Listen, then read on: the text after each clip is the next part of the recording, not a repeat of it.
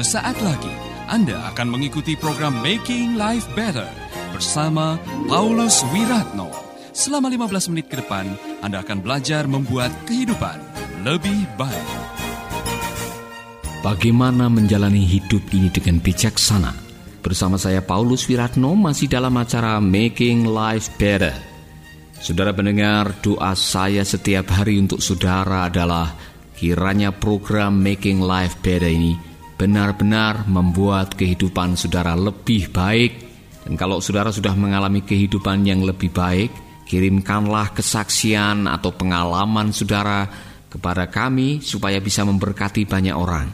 Kirimkan saja melalui email di info at pauluswiratno.com info at pauluswiratno.com maka kesaksian saudara akan dimuat di dalam acara Making Life Better yang berikutnya.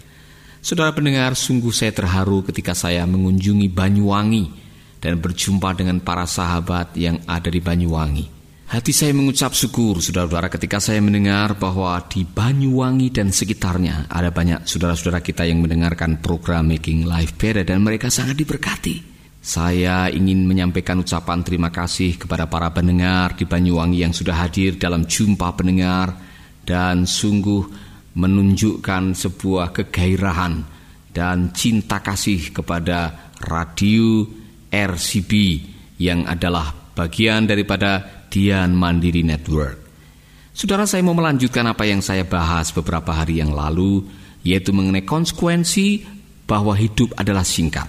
Kalau kita tahu bahwa hidup ini terbatas, waktu yang kita miliki ini terbatas, maka kita akan menggunakan waktu kita dengan sebaik-baiknya. Itulah nasihat Rasul Paulus. Oleh karena itu, aturlah cara hidupmu. Jangan ngatur orang lain. Aturlah cara hidupmu sendiri. Nah, bagaimana kita mengatur hidup kita dengan baik? Tiba saatnya kita membahas apa yang disarankan oleh Rasul Petrus. Petrus mengatakan seperti ini di dalam 1 Petrus 1 ayat 22. Karena kalian taat kepada ajaran dari Allah, maka kalian membersihkan diri dan kalian mengasihi orang-orang seiman secara ikhlas. Sebab itu hendaklah kalian mengasihi satu sama lain dengan sepenuh hati. Saudaraku kita diminta setiap hari untuk membersihkan diri. Saya pikir ini sangat tepat sekali. Kalau kita tahu bahwa perjalanan hidup kita ini adalah sebuah perjalanan menuju kepada kekekalan, maka kita harus selalu membersihkan diri kita supaya kita tidak mengotori diri kita sehingga menjadi beban di dalam hidup. Coba saudara lihat sebuah mobil. Kalau saudara sudah mengendarai mobil beberapa ribu kilometer, biasanya saudara akan disarankan untuk segera ganti oli. Oli mesin itu perlu diganti supaya mesin bisa berjalan dengan baik. Karena kalau oli mesin tidak diganti, mesin menjadi panas, mesin menjadi kotor, dan akhirnya mesin akan rusak. Demikian juga dengan jiwa kita. Saya gambarkan jiwa itu sebagai mesin kehidupan. Kalau jiwa saudara tidak pernah ganti oli, tidak pernah dibersihkan, maka perjalanan menjadi berat. Bahkan mungkin kita akhirnya menjadi orang-orang yang menderita sakit jiwa atau gangguan jiwa karena jiwa kita begitu kotor dan tidak pernah dibersihkan. Lalu pertanyaannya ialah Bagaimana caranya kita membersihkan jiwa kita? Gampang sekali. Petrus mengatakan, "Obey the truth. You obey the truth, and your souls were made pure." Waduh, luar biasa, saudara-saudara.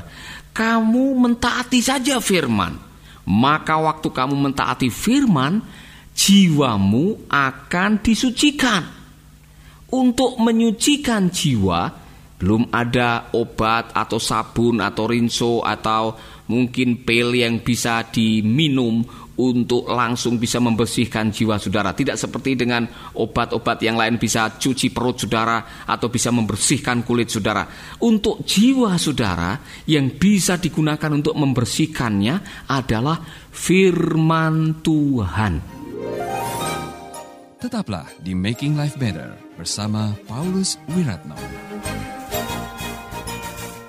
Mungkin saudara bertanya, Pak Paulus, bagaimana firman Tuhan bisa menyucikan jiwa kita? Saudaraku, bukankah firman itu adalah kebenaran? Dan cara yang paling baik untuk mengusir konsep yang salah ialah menggantikannya dengan konsep yang benar. Kita masing-masing membawa pikiran-pikiran atau konsep-konsep yang salah karena itu sudah terekam dari masa lalu kita. Mungkin kita mendengar konsep-konsep yang salah dari orang tua, dari teman, dari guru, dari buku, dari film, dari televisi, dan saudara-saudara lambat laun konsep itu telah masuk di dalam pikiran kita yang adalah bagian dari jiwa. Karena semua kelakuan kita selalu direstui oleh pikiran, maka pada waktu kita memiliki pikiran-pikiran yang kotor, yang keluar dari kehidupan kita adalah hal-hal yang kotor. Cara yang baik untuk membersihkan hal yang kotor ialah disucikan dibersihkan dengan kebenaran, menggantikan konsep yang salah dengan konsep yang benar, menggantikan pikiran-pikiran yang salah dengan pikiran-pikiran yang benar yang datang dari firman Tuhan. Itulah sebabnya Rasul Paulus pernah mengatakan, "Oleh karena itu, saudara-saudara, berubahlah oleh pembaruan akal budimu." Kita harus berubah. Kita mengubah konsep yang salah dengan konsep yang benar. Itulah cara yang paling bagus untuk kita membersihkan jiwa kita. Jangan mengizinkan pikiran-pikiran yang kotor, pikiran-pikiran yang jahat ada di dalam jiwa kita.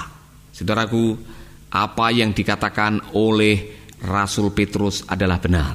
Salah satu yang paling mudah untuk kita menyimpan atau mengotori jiwa kita ialah sikap bermusuhan atau hal tidak mau mengampuni. Ketika kita dilukai atau ditolak atau menyimpan dendam, kita sedang mengotori jiwa kita.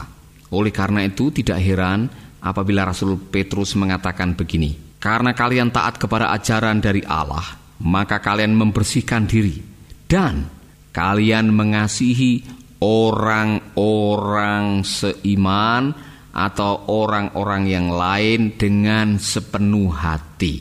Di dalam bahasa Inggris ditulis seperti ini. Now you sincerely love each other, but you must keep on loving with all your heart. Kita diminta untuk terus mengasihi orang lain dengan segenap hati.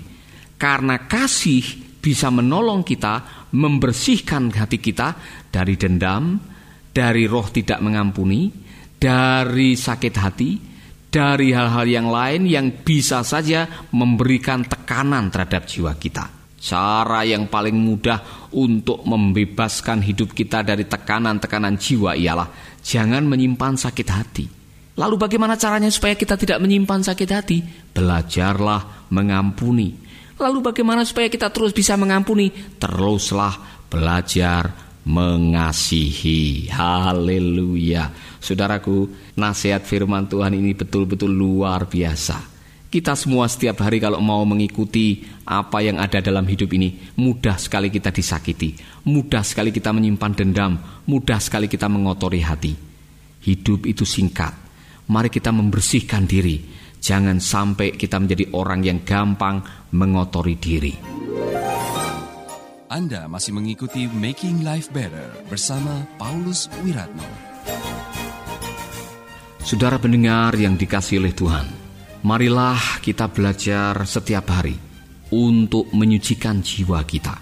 Sering-seringlah mengadakan sebuah perenungan di hadapan Tuhan dengan firman. Maka waktu kita mendengar kebenaran-kebenaran dan kita menyadari ada sesuatu yang salah dalam hati kita, segeralah minta ampun kepada Tuhan bersihkanlah jiwamu, supaya kita menjalani hidup dengan ringan. Orang yang sering menyucikan batinnya akan menjadi orang yang berbahagia. Orang yang sering menyucikan hatinya di hadapan Allah akan menjadi orang yang merasakan kehadiran Allah. Dengarkanlah apa yang dikatakan oleh Ebit Ade.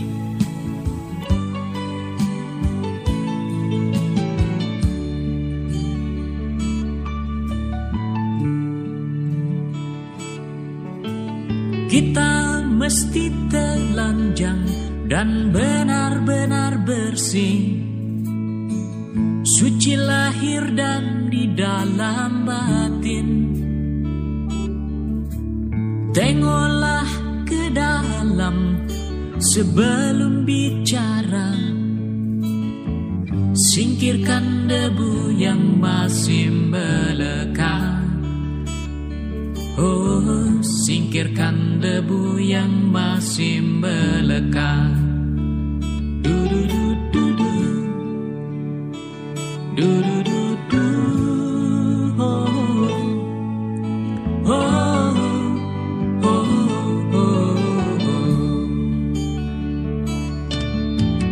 anugerah dan bencana adalah kehendaknya.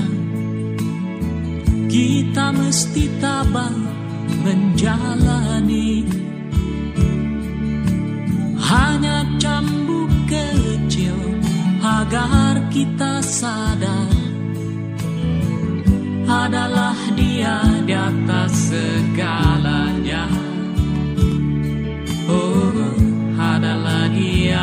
di atas segalanya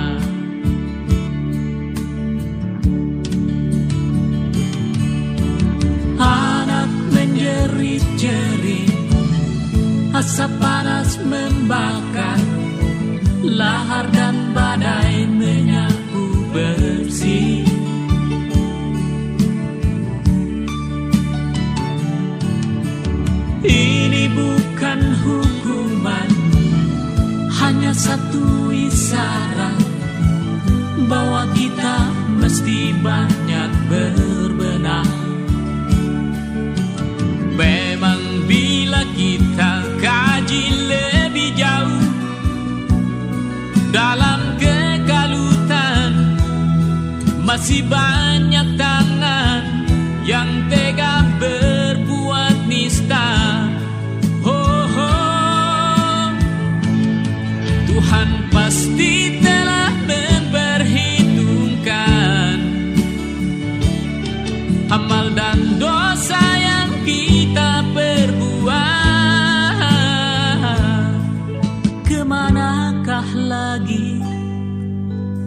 kita kan sembunyi. Hanya kepadanya kita kembali. Tak ada yang bakal bisa menjawab. Mari hanya runduk sujud padanya. Du-du-du-du-du.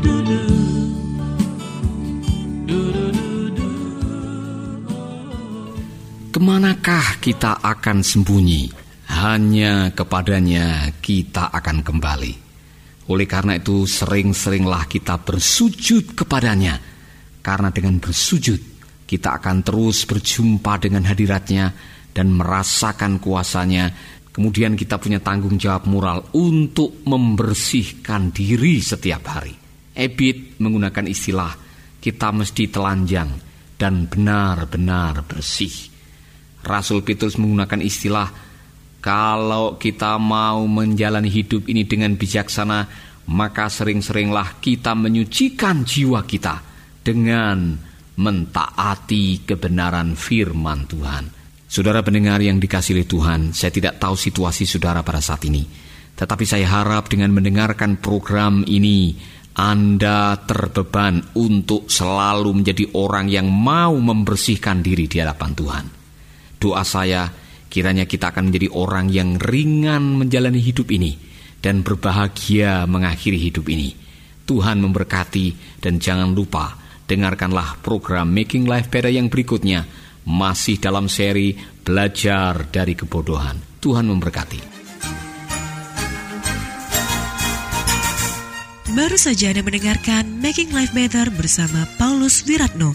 Jika Anda diberkati, kirimkan kesaksian Anda ke Radio Dian Mandiri Jalan Intan LC2 Gang 4 Nomor 1 Denpasar, Bali. Kunjungi website kami di www.pauluswiratno.org Facebook Paulus Wiratno Hubungi kami di 081 338 665500 Sekali lagi 081 338 665500 Terima kasih, Tuhan memberkati.